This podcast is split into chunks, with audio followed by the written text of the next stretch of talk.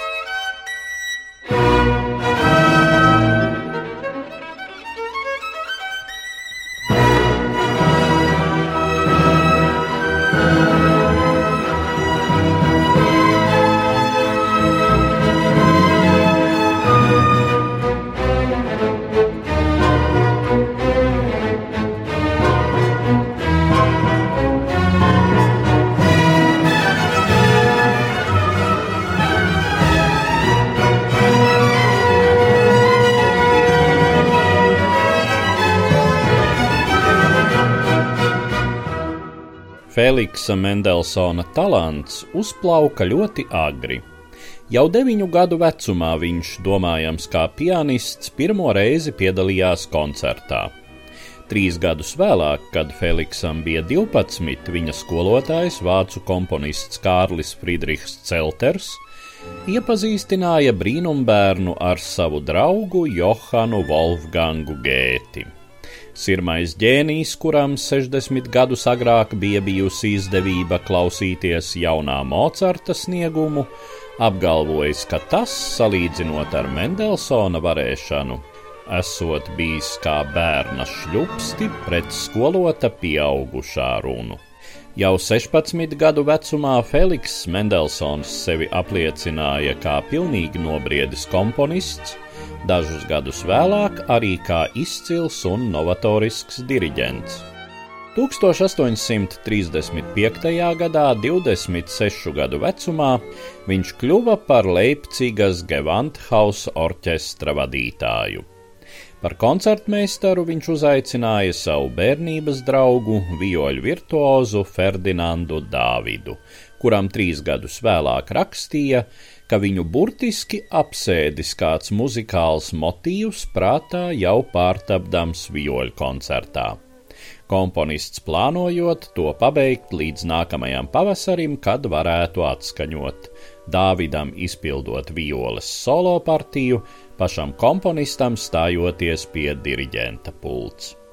Kā nereti mēdz gadīties, ieceres īstenošana prasīja krietni ilgāku laiku, un Feliksa Mendelsona vioļu koncerta mī minorā pirmatskaņojums Leipzigā Gewandhaus orķestra izpildījumā notika 1845. gada 13. martā. Ferdinands Dāvids spēlēja violes solo, taču pats komponists tobrīd bija sasirdzis, tāpēc diriģēja viņa kolēģis, ievērojamākais 19. gadsimta dāņu komponists Nīls Vilhelms Gāde. Jau tūdaļ pēc Feliksa Mendelsona koncerta violē ar orķestri mīminorā pirmatskaņojuma kritika praktiski vienprātīgi atzina, pasaules simfoniskās mūzikas zelta fonds papildinājies ar ļoti vērtīgu pienesumu. Šis viedoklis nav mainījies arī kopš tā laika pagājušajos 170 gados. Vēl šo skaņdarbu atzīst par vienu no visvairāk atdarinātajiem žanra vēsturē. No Feliksa Mendelsona vijoļu koncerta iespaidojušies tādi simfoniskās mūzikas lielmeistari kā Ferencs Lists, Pēters Čaikovskis un Jans Sibēlijus.